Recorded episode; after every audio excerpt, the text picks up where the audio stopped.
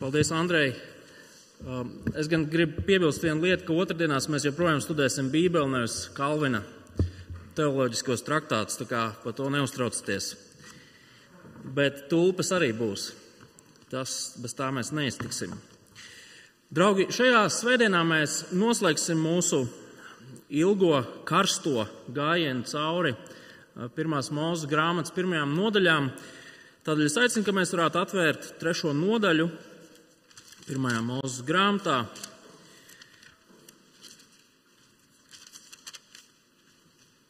Un lasīsim trešajā nodaļā no 6. panta līdz 24. pantam. Pirmā mūzes grāmata, pati pirmā Bībeles grāmata, trešā nodaļa, sākot ar 6. pantu. Un sieva redzēja, ka tas koks ir labs, lai ēstu, ka tīkams acīm un kārojams prātam. Un viņa ņēma tā augli un ēda, un deva arī savam vīram, kas bija kopā ar viņu, un viņš ēda. Un abiem atdarījās acis, un nu viņi zināja, ka ir kaili, un viņi sašuva vīģu lapas un uztaisīja sev gurnautus. Un dienas vēsumā viņi dzirdēja, ka dārzā skan kunga dieva balss, un cilvēks un sieva paslēpās no kunga dievu dārzā starp kokiem. Un kungs dievs sauca cilvēkam un teica, kur tu esi? Un tas teica, es dzirdēju dārzā tavu balsi, nobijos, jo esmu kails un es paslēpos. Un viņš teica, kas tev pastāstīja, ka tu esi kails? Vai tu ēd no tā koka, par ko es tev pavēlēju, nē, no tā? Un cilvēks teica, tā sieva, ko tu man devi, viņa man deva no tā koka, un es ēdu. Un kungs Dievs teica sievai, ko tu esi izdarījusi? Un sieva teica, čūska mani pievīla un es ēdu. Un kungs Dievs teica čūskai, tāpēc, ka tu to darīji, tu esi nolādēts starp visiem lopiem un starp visiem lauka zvēriem. Uz vēdera tu līdīsi un rīsi pīšļus visas dienas, kamēr dzīvosi. Un es celšu ienaidu starp tevi un sievu, starp tavu pēcnācēju un viņas pēcnācēju. Viņš tev sadragās galvu, bet tu viņam sadzels papēdi. Un sievai viņš teica, vairot es vairošu tavu grūtumu, kad tu būsi grūta mokās, tu radīsi dēlus. Savu vīrtu kārosi, bet viņš valdīs pār tevi. Un cilvēkam viņš teica, tāpēc, ka tu paklausīji savus sievas balsī un ēdi no koka, par ko es tev pavēlēju, nēd no tā, nolādēt, lai tevis dēļ zeme. Mokās tu no tās ēdīsi visas dienas, kamēr dzīvosi. Tev sadīgs no tās ērkšķi un daži, un tu ēdīsi laukas tādus. Savu vaigas sviedros tu ēdīsi maizi, līdz tu atgriezīsies zemē, no kuras tu esi ņemts, jo pīslis tu esi, un pīšļos tu atgriezīsies. Un cilvēks savu sievu nosauca vārdā Ieva, jo viņa bija visu dzīvo māte. Un kungs Dievs darināja cilvēkam un viņa sievai ādas apģērbu un ietērpa viņus. Un kungs Dievs teica, redzi, cilvēks ir kļuvis kā viens no mums, zina, kas labs un kas ļauns. Un tagad ka viņš vēl neizstiep roku, lai ņemtu arī no dzīvības koku un ēstu un dzīvotu mūžam. Un kungs Dievs izraidīja viņu no ēdienas dārza, lai apstrādās zemi, no kuras viņš ņemts. Un viņš padzina cilvēku un uz austrumiem no ēdienas dārza iemitināja ķerubus ar atvāstiem liesmojošiem zobeniem, lai sargātu ceļu uz dzīvības koku. Tas ir kunga vārds. Amen. Pirms mēs pārdomājam šo raksturvietu, lūgsim Dievu. Dabas Tēvs, mēs šajā pēcpusdienā nākam Tavā priekšā, lai lūgtu Tavu žēlstību, Tavu vārdu saprast. Tavs gars bija tas, kurš palīdzēja Tavu vārdu pierakstīt sendienās. Tas ir saglabājies nemainīgs cauri gadsimtiem, un arī mēs tagad varam to lasīt un uzzināt to, kāds esi Tu, kādi ir Tavi nodomi attiecībā uz mums un uz šo pasauli. Un lūdzam, ka pie sapratnes nākuši mēs varētu dzīvot atbilstoši. Lūdzam, Jēzus vārdā. Amen. Visa pirmā mūža grāmatas trešā nodaļa mums palīdz saprast to, kur mēs un kāpēc mēs esam šobrīd. Šajā nodaļā tiek atbildēti vairāk jautājumu, bet viens no svarīgajiem jautājumiem ir, kā mēs esam nonākuši pasaulē, kurā mēs šodien dzīvojam. Mēs jau redzējām iepriekšējā nedēļā nodaļas sākumā par to, ka cilvēks, kurš dzīvo šajā perfektajā, labajā pasaulē, viņš noticēja meliem par Dievu. Viņš noticēja tam, ka Dievs mēģina cilvēkus kaut kā ierobežot. Viņš noticēja meliem par to, ka Dievam ir vienalga, kas notiek ar ļaunumu. Viņš noticēja meliem par to, ka Dievs gal galā nav labs. Un tādēļ dzīvot bez Dieva īstenībā ir labākais, ko cilvēks šajā pasaulē varētu darīt. Un šodien mēs turpinām iesākt to, un mēs īpaši ieraudzīsim to, kādas tad ir šo malu sekas. Kādas ir cilvēku rīcības sekas? Un, ja mums vajadzētu šīs dienas raksturvietu savilkt kopā tādā vienā īsā teikumiņā, mēs varētu teikt, salauztas attiecības salauztā pasaulē. Salauztas attiecības salauztā pasaulē ir tas, kas raksturo visu to, kas seko grēkā krišanai. Sacelšanās pret Dievu noved pie tā, ka cilvēku savstarpējās attiecības salūza, tika sabojātas. Attiecības starp cilvēkiem un Dievu tika salauztas. Un arī pati dzīve šajā pasaulē bija salauzta, grūtību un ciešanu pilna.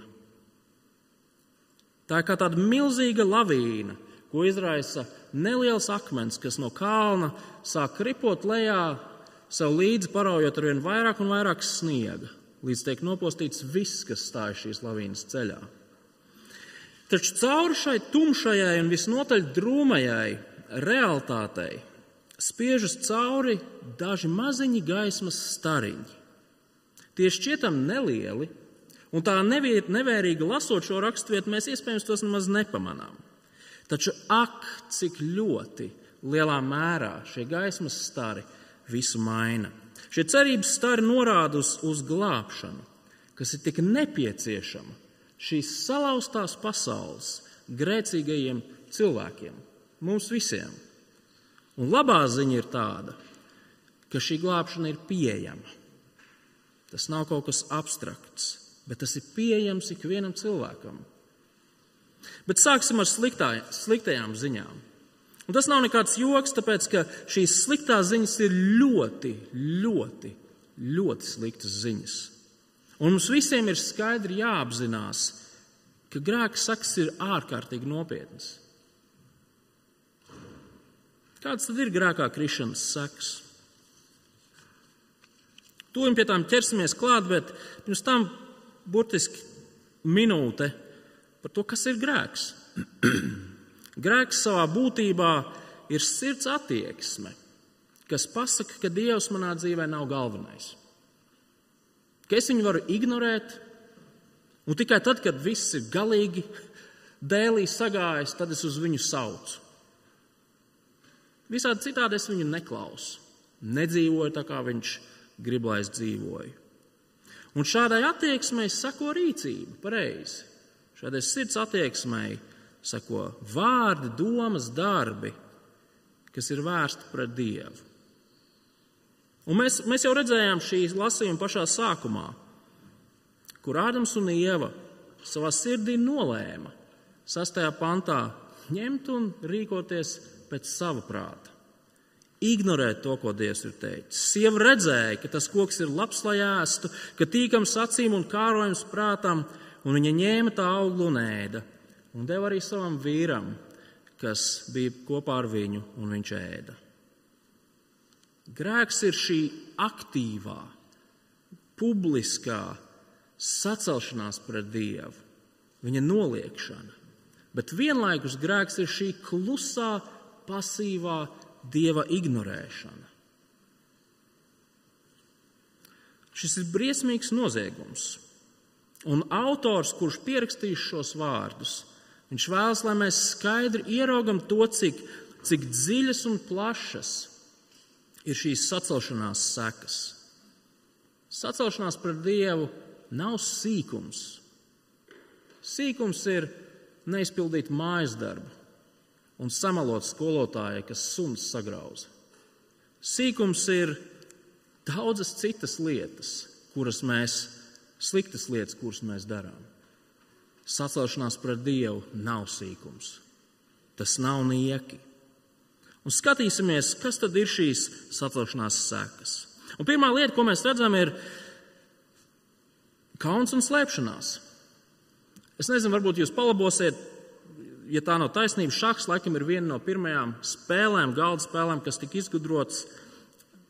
Patiesībā paslēpes ir pirmā spēle, ko cilvēks sāk spēlēt aiz gara laika. Čūska solīja to, ka cilvēks var kļūt kā dievs pats savā dzīvē noteikt to, kas ir labs, kas ir ļauns. Bet kas notiek tad, kad cilvēks tver šo augli, ēd no tā? Viņš nekļūst kā dievs. Viņš nekļūst visu zinošs, visu, varans, visu varants. Tā vietā viņš piedzīvo kaunu un vēlmu slēpties. Tūlītējās sekas tam visam ir salauztas attiecības cilvēku starpā. Ieskatieties vēlreiz 7. pantā. Abiem atdarījās acis, un nu viņi zināja, ka ir kaili. Un viņi sašuva vīģu lapas un uztaisīja sev gurnautus. Dažus pantus iepriekš, otrajā nodaļā, viņi bija kaili un viņi nekaunējās viens otru priekšā. Nu, viņi kaunās. Un tas nav tādēļ vien, ka viņiem ir kauns par liekajiem kilogramiem, ko viņi dzīvodam paradīzē, kur var ēst visu kaut ko, bija uzaudzējuši. Tas nav tādēļ. Cilvēki grib viens no otras slēpties, tāpēc, ka viņiem ir kaut kas, ko slēpt. Viņu starpā ir radusies plaisa. Viņi viens otram neusticās. Viņi nevar būt godīgi cits pret citu. Un vai tad tā nav? Kas ir tā pirmā reakcija, kad mēs izdarām grēku, kaut ko sliktu? Vai mēs vēlamies, lai par to uzzinātu citi? Draugi, nē, ja ir iespējams, mēs slēpjam pēdas. Tas tā ir vienmēr. Mums visiem ir savi tumšie noslēpumi, kurus rūpīgi glabājam, savi grēki, kuru nākšana gaismā mums liktu ielīst zemē. Un mēs visas šīs savas domas, attieksmes, vārdus, darbus, mēs viņus visur sev, sev stiepjam līdzi. Lai kur vien mēs neiet kā tādus milzīgus akmeņus, kas ir sakrauti somā, mēs sākam vairīties no citiem. Mēs nerunājam godīgi vairs ar saviem līdzcilvēkiem. Mēs sākam izdomāt dažiem dažādus iemeslus, kāpēc mēs vairamies no citiem cilvēkiem. Un kas ir vēl ļaunāk? Reizēm mēs sev esam iestāstījuši, ka iemesls, kāpēc mēs vairamies no citiem cilvēkiem, ir tie citi cilvēki. Atmetot dievu un cenšoties pašiem būt visa noteicējiem. Cilvēku starpā iestājas salūzums, nesaskaņas, naids, slēpšanās, klusēšana, uzticība ir zudusi, godīgums ir zudis, ir radies šis milzīgais ķīlis. Un grēkam pievienojot grēku, šis ķīlis dzenās ar vien dziļāk un dziļāk. Taču cilvēks slēpjas ne tikai viens no otra, bet arī no dieva. Skatieties, 8. un 10. pāns. Un dienas vēsumā viņi dzirdēja, ka dārzā skan kunga dieva balss, un cilvēks un sieva paslēpās no kunga dieva dārzā starp kokiem. Un kungs dievs sauca cilvēkam un teica, kur tu esi? Un tas teica, es dzirdēju tavu balsi un nobijos, jo esmu kails un es paslēpos. Labās uzticības un draudzības pilnās attiecības ar Dievu ir salauztas. Cilvēks nevēlas sastapties aci pret aci ar Dievu, ar savu radītāju, ar to, kurš viņam deva visas šīs brīnišķīgās lietas. Viņš vēlas slēpties. Tad šīs paslēpes ir ārkārtīgi smieklīgas. Vai jums tiešām liekas, ka Dievs nezina, kur Ādams ir ielīdzis? Ādams šajā gadījumā līdzinās mazam bērnam, kurš ir atradis vecākā brāļa konfekšu krājumus un cenšas paslēpties aiz krēsla, lai klusībā apēstu kāroto šokolādi. Ādams un Ieva līdzinās mazam bērnam, kurš ar plaukstām aizliek sev priekšā acīm, un viņam liekas, ka viņi vairs neredz. Tas ir smieklīgi, pareizi. Un cilvēki joprojām dara tieši to pašu. Viņi spēlē paslēpes. Bet cilvēks, protams, ir kļuvis daudz rafinētāks. Cauri gadsimtiem. Ir bijis zināms laiks patrenēties. Un tā vietā, lai pats slēptos, cilvēks mēģina noslēpt dievu. Cilvēkam ir pilns arsenāls ar dažne dažādiem argumentiem pret dieva eksistenci. Cilvēks saka, ka dievam, ja tāds vispār ir, vajadzētu sevi kaut kā labāk darīt, zinām, citādāk viņš ir neredzams. Neviens vien filozofs tā ir teicis savulaik. Bet, draugi, Dievs nekur nav paslēpies. Viņš sevi ir atklājis radībā, viņš sevi ir atklājis cilvēces vēsturē. Pravieši un apstuļi ir pierakstījuši viņa vārdu. Gal galā Dievs sevi ir atklājis Jēzus Kristus personā. Viņš nav paslēpies. Viņš ir atrodams, viņš ir redzams. Patiesība ir tāda, ka cilvēks savā kaunā un bailēs no dieva vēlas paslēpties. Bet jūs taču zinat, ka aizvarot acis realitātei, realitāte nepazūd.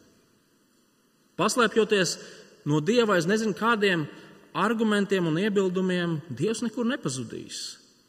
Viņš joprojām stāv un noskatās uz mūsu muļķīgajiem centieniem, smieklīgajiem centieniem paslēpties. Manuprāt, Dieva jautājums Ādamam, kur tu esi, bija šis, šis šī pēdējā iespēja, ja tā var teikt. Ādamam nāk gaismā, atzīties tajā, kas ir, kas ir izdarīts, lūgt atdošanu Kristus ceļiem Dievu priekšā, sagaidīt iespējamu žēlastību.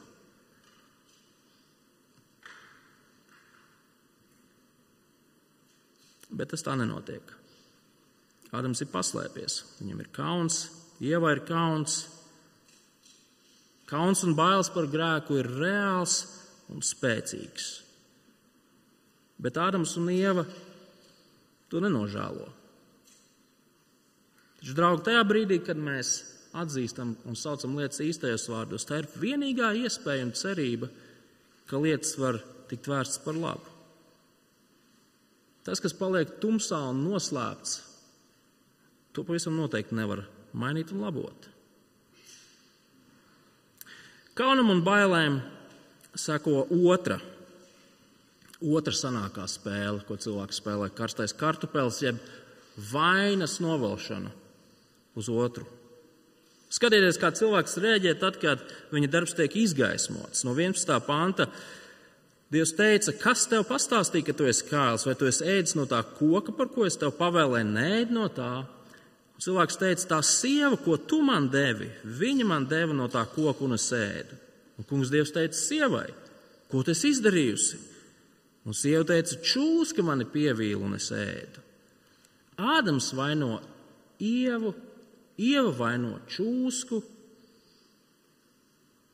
Cik klasisks gājiens.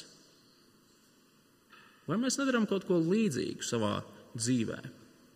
Tajā brīdī, kad patiesība sāk izgaismot mūsu grēkus un netaisnību, ko esam izdarījuši, vai mēs nesākam vainot citus?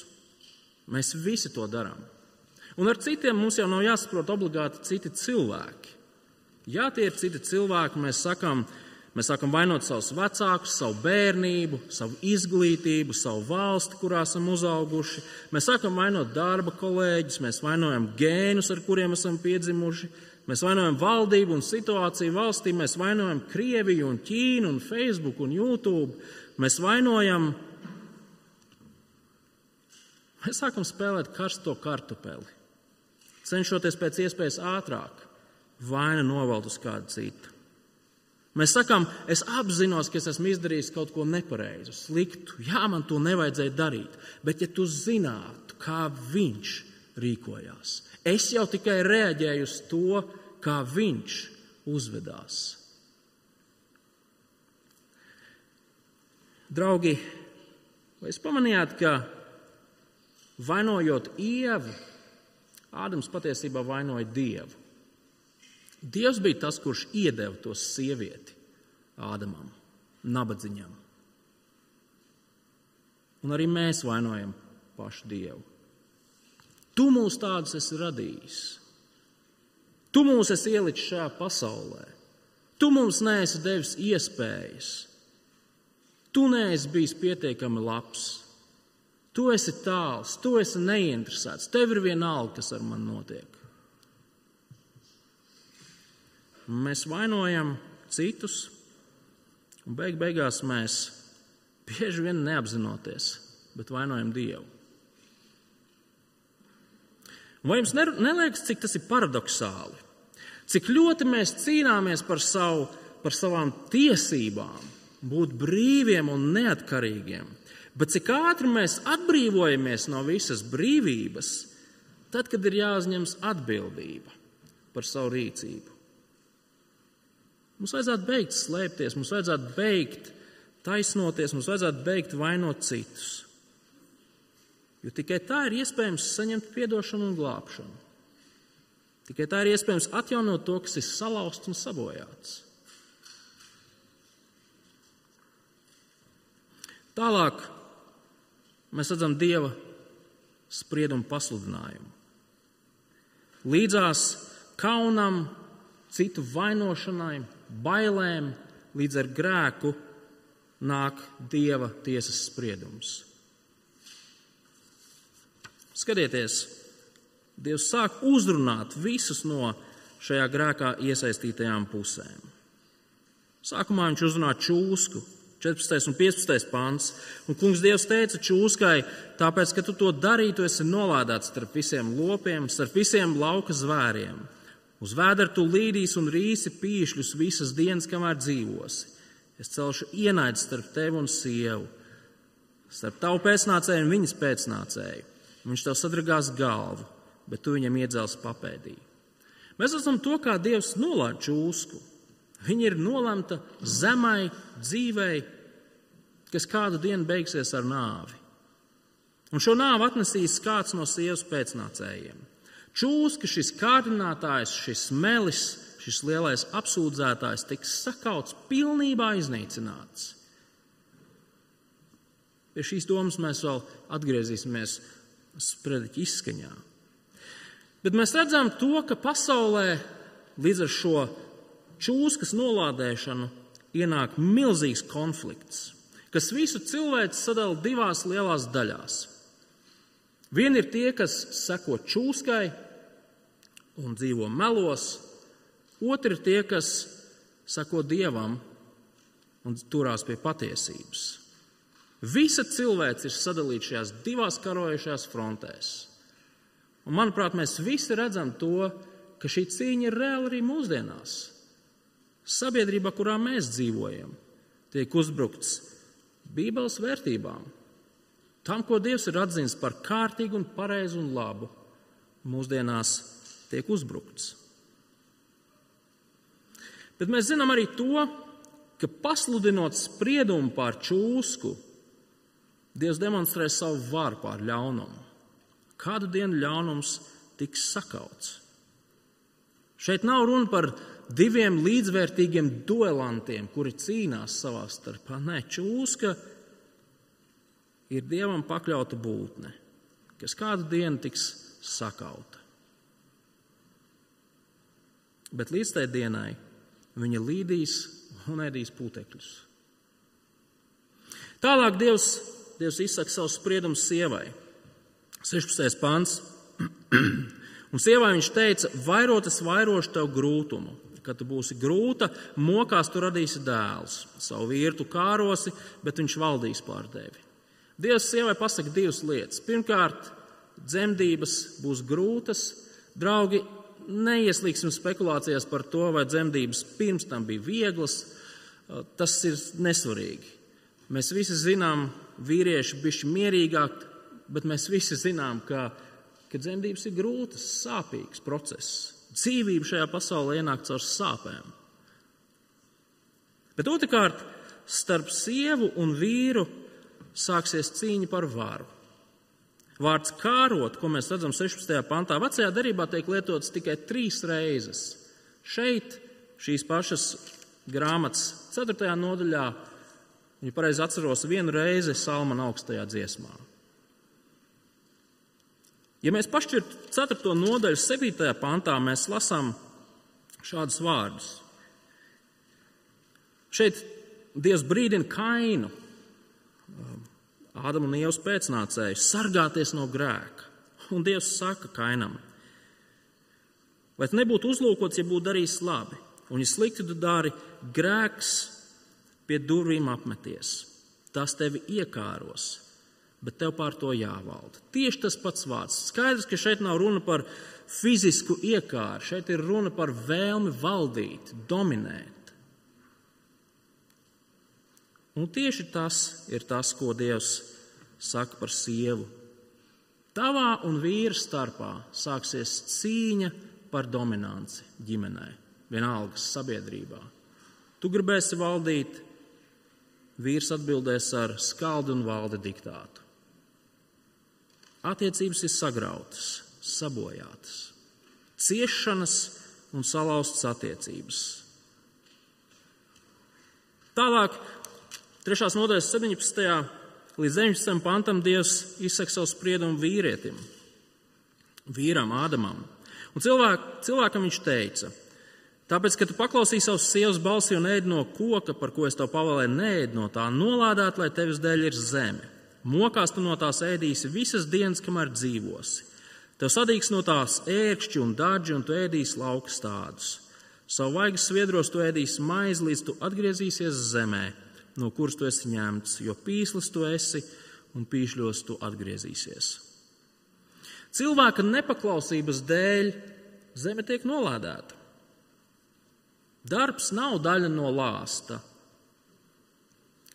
Darbs pats par sevi ir labs, taču tagad cilvēkam darbs būs smagas grūtības.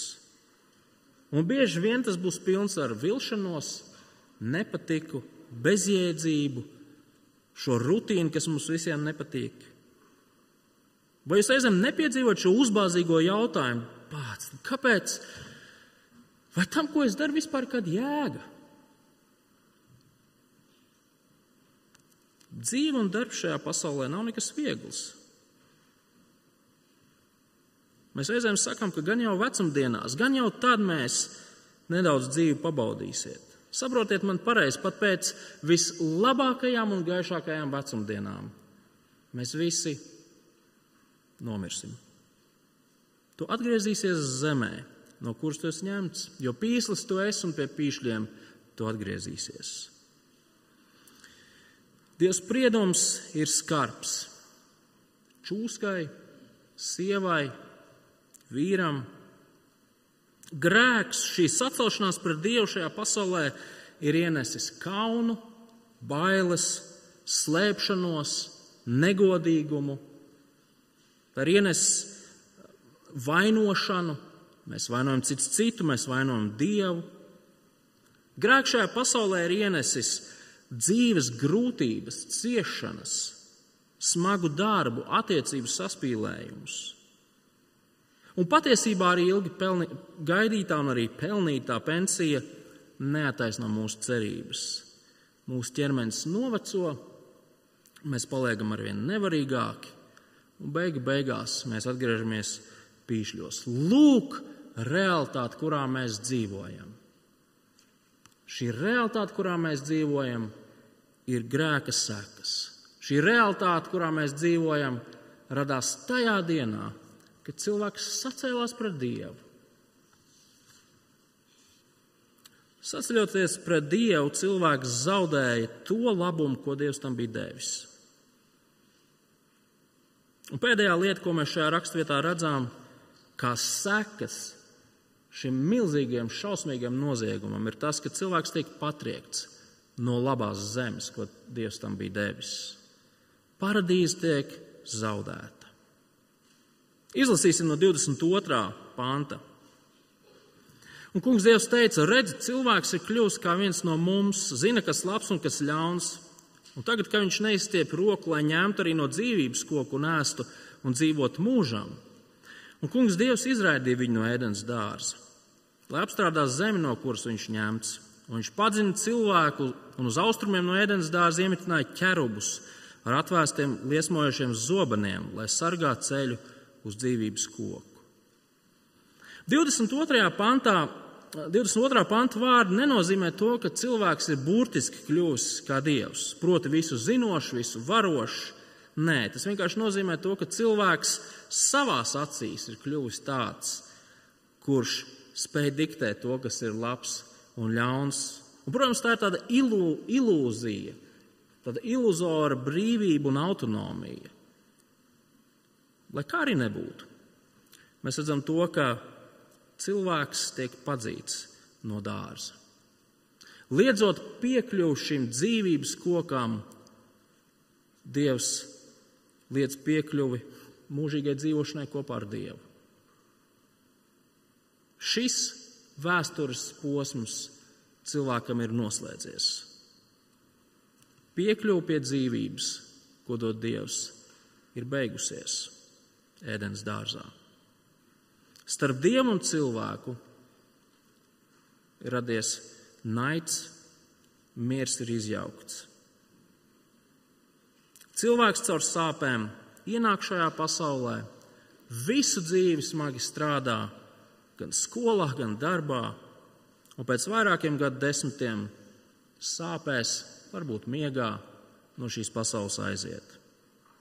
Un nākamā vai aiznākamā paudze ir aizmirsusi, ka tāds cilvēks vispār ir dzīvojis. Varbūt vienīgi kādās vecās fotografijās vai retos gadījumos, kapu svētkos, mēs atceramies, jā, bija tāds Mārtiņš Martinsons. Kas viņš tāds bija? Draugi, bet ne tikai tas. Cilvēks šajā pasaulē dzīvo bez dieva un bez cerības. Lūk, tas ir vislielākais zaudējums, kas nāk no grēkā krišanas. Ja mums nav dieva, mums nav cerības, mums nav drošības, mums nav dzīvības. Un viss, kas mums atliek, ir tās dažas gadu desmitgades, kur laikā mēs varam ķert un grābt visu, kas, ko varam. Jo pēc tam taču nāk gals. Un patiesībā nekam no tā, ko mēs esam sasnieguši, baudījuši, paveikuši, īstenojuši, nav nekādas nozīmes. Ja tā padomā, tas viss ir niecība. Visa mūsu piedzīvojumiem un iespējām pilnā dzīve galu galā ir kā garāņi, kas nosēžās uz, uz spoguļa pēc karstas rīta dušas. Vienu brīdi tie ir, nākamajā tie jau vairs nav. Draugi, es ceru, ka mēs visi redzam no šīs raksturvietas to, cik, cik šausmīgas ir grēka sekas. Visas tās lietas, kas ienāk šajā pasaulē, sākot ar salauztām attiecībām, nolādētu zemi un beigu beigās zaudētu dieva klātbūtni. Viss ir salauzts. Taču šajā drūmo realitāti atspoguļojošajā nodaļā mēs redzam arī maziņu cerības stariņu. Un šīs cerības devējs ir pats Dievs. Lielāko daļu sprediķis veltīs sliktajām ziņām, tagad laiks pienācis labajām ziņām. Bet šīs labās ziņas uz šī milzīgi drūmā bezcerības un pesimisma fona ir kā tāds spilgts dimants, kas mirdz un izgaismo visu. Kas ir šis cerības stariņš? Tas meklējams Dieva vārdos čūskai. Skatieties vēlreiz 15. pantā, kur Dievs saka čūskai, es celšu ienaidzi starp tevi un sievu, starp tavu pēcnācēju un viņas pēcnācēju. Viņš tev sadragās galvu, bet tu viņam iedzels papēdī. Visticamāk, sākotnējie lasītāji, izlasot šos, šo, šo pāntu, viņi to uztver kā kaut ko tādu mīklainu un, un līdz galam neskaidru. Taču tāpat laikā piekritīsiet, ka tur slēpjas zināma cerība. Ļaunums, šī ļaunā čūska kādu dienu tiks sadragāta. Un skatieties, to izdarīs kāds no pēcnācējiem. Mēs nezinām, kā tas notiks, kad tas notiks, kas to izdarīs, bet tā ir laba lieta, pareizi. Un varbūt tajā brīdī, kad čūskas galva tiks sadragāta, kad ļaunums tiks iznīcināts, varbūt tad kaut kādā brīnumainā kārtā mēs piedzīvosim glābšanu. Mēs piedzīvosim to, ka atjaunojās tas, kas ir salauzts tagad. Vai mēs drīkstam klusu uz to cerēt? Lai ko arī nedomātu pirmie lasītāji šajā brīdī, mēs redzam, ka cerība ir dota. Dievs dod apsolījumu, ka kādu dienu ļaunums tiks iznīcināts. Bet Dievs iet soli tālāk. Viņš dod ne tikai apsolījumu, bet dara visu iespējamo, lai šis apsolījums varētu piepildīties. Skatieties 20. un 22. Pant, 20. 21. pantā. Un cilvēks savu sievu nosauc vārdā Ieva, jo viņa bija visu dzīvo māte. Un kungs Dievs darināja cilvēkam un viņa sievai ādas apģērbu un ietērpa viņus. Jā, pasaulē ir ienākusi nāve, taču dzīvība turpinās. Sievietē tiek dots jauns vārds. Ieva nozīmē dzīvo māte. Dzīvība ir iespējama. Un tas ir ārkārtīgi svarīgi, jo kā gan citādāk varētu piepildīties Dieva dotais apsolījums, ka ļaunums tiks sakauts. Mēs redzam to, ka Dievs cilvēku ieģērbj ieģērbja dzīvnieku drēbēs, ādas apģērbā. Reizēm cilvēks saka, ka šeit iespējams mēs redzam to, kā Dievs upurē dzīvniekus, lai cilvēks varētu dzīvot, bet es domāju, ka mums nevajag iet tik tālu. Iespējams, tā ir pārāk liela ielasīšana tekstā. Manuprāt, pietiek ar to vien, ka šie panti parāda, ka Dievs nav pametis cilvēku. Viņš nav aizgājis no cilvēka, viņš joprojām ir daļa no no cilvēka dzīves, no cilvēces vēstures. Neskatoties uz to, ka cilvēks ir grēcinieks, kurš ir pelnījis sodu, un viss tas, kas ar viņu notiek, ir taisnīgs, Dievs joprojām rūpējas par no ēdienas dārza izraidītajiem cilvēkiem. Un, draugi, ja mēs lasītu Bībeli tālāk, visu to, kas sekojas trešās nodaļas, Mēs redzētu, ka tas ir tāds nemitīgs sievas pēcnācēja meklējums. Katra lapuse Bībelē ir tāda gaida un cerība pilna. Nu, kad tad atnāks tas viens, šis pēcnācējs? Nu, kad viņš būs un kas viņš galu galā būs? Kurš sakaus čūsku, iznīcinās to? Un tad mēs nonākam līdz jaunai derībai. Un jaunā derība ļoti skaidri parāda, ka šis sievas pēcnācējs, ļaunuma iznīcinātājs, ir neviens cits kā pats Jēzus. Un tieši viņš ar savu krusta nāvi izdara to, ko Dievs bija apsolījis pasaules, šīs pasaules grēcīgajiem iedzīvotājiem. Ir daudzas raksturvietas, kuras mēs šajā sakarā varētu izlasīt, bet es aicinu, ka mēs varētu izlasīt uh, Es drīzāk izlasīšu jūs klausīties no vēstules kolosiešiem. No otrās nodaļas, no 13. līdz 15. pantam. Kur Pāvils kolosas draugs kristiešiem raksta šādus vārdus. Jūs, kas bijāt miruši savos grēkos un miesā neapgraizīti, Dievs darīja dzīvus līdz ar Kristu, dāvādams mums visu grēku piedošanu.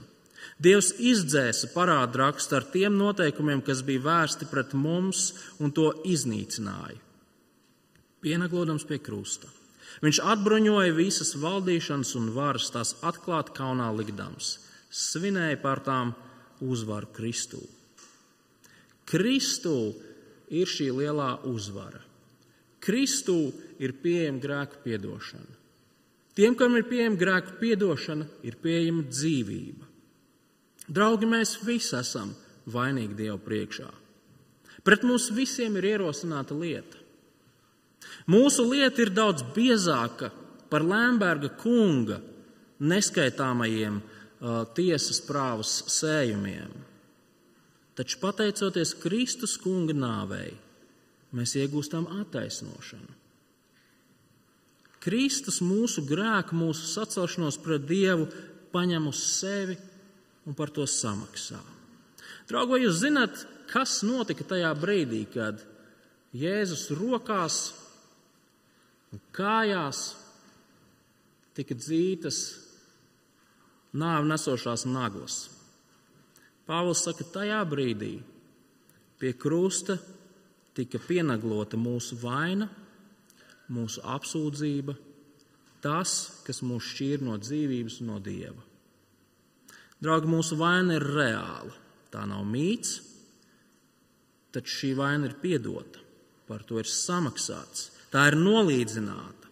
Ja mēs turamies pie Kristus, tad nekas un neviens mūs nevar apsūdzēt. Dievu priekšā mēs esam brīvi un attaisnoti.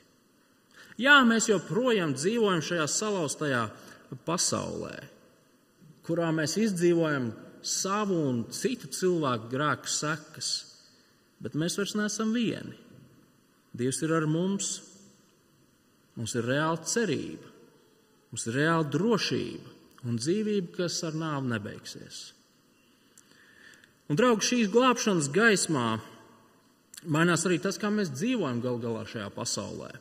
Dzīve joprojām ir grūta, darbs ir pilns vilšanās, taču tas vairs nav bezjēdzīgi. Cilvēku savstarpējās attiecības joprojām ir saspīlētas, būt attiecībās ir un būs grūti, taču mēs uz cilvēkiem skatāmies citādāk. Ja mums ir piedots, tad visām vainošanas, un slēpšanās un kaunēšanās spēlēm ir pienācis gals. Vairs nav, tas vairs nav svarīgs. Mums ir piedots.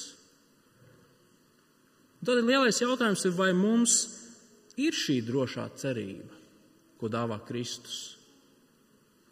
Ja ir, draugi, tad mēs varam ar priekpilnu pateicību dziedāt slavas dziesmas Dievam Un no jauna ļaut glā, šim glābšanas priekam piepildīt mūsu salauztās dzīves ikvienu jomu. Alternatīva priekpilnai pateicībai ir turpināt ticēt meliem, turpināt slēpties no citiem, no dieva, turpināt vainot citus un dievu un izlikties, ka gan jau beigu beigās viss būs labi. Tas ir naivi, tas ir muļķīgi, tas ir bīstami, tāpēc ka kādu dienu Dievs tiesās. Dievs iznīcinās visu ļaunumu, visu salauzto, un Viņš atjaunos ideālu kārtību. Un, draugi, tajā dienā ir ārkārtīgi milzīga nozīme. Kurā pusē mēs būsim? Vai mēs būsim kopā ar Kristus izglābtajiem, ar tiem, kas ir saņēmuši Kristus žēlstību, vai mēs būsim kopā ar tiem, kas ir sacēlušies pret Dievu? Lūksim. Labais dabas tēvs, mēs pateicamies Tev, ka Tu esi taisnīgs tiesnesis. Domājot par to, kādas sekas rada grēks, tā nopietni par to domājot, mūs pārņem šausmas, taču pateicība Tev par to, ka Tu esi arī milzīgu žēlstību parādījis tiesnesis. Tu esi devis Kristu, kurš ar savu krusta nāvi samaksā par visiem mūsu grēkiem, lai cik daudz un cik lieli tie arī nebūtu. Un tādējādi mēs spējam iegūt atdošanu un izlīgumu ar tevi. Tās mēs lūdzam, lai mēs nekad neaizmirstu to, no kā Kristus mūs ir izglābis. Un ka tas mums palīdzētu, jo dienas jau vairāk dzīties pēc tavas valstības, pēc tā, kas tev ir svarīgs. Ka mēs jo dienas jau vairāk varētu dzīvot kā tavi ļaudis šajā salauztajā pasaulē, nesot cerību, kas ir reāla cerība, un mēģinot izdzīvot to kārtību, kur tu esi paredzējis cilvēkiem. Tūlzim Jēzus vārdā. Amen.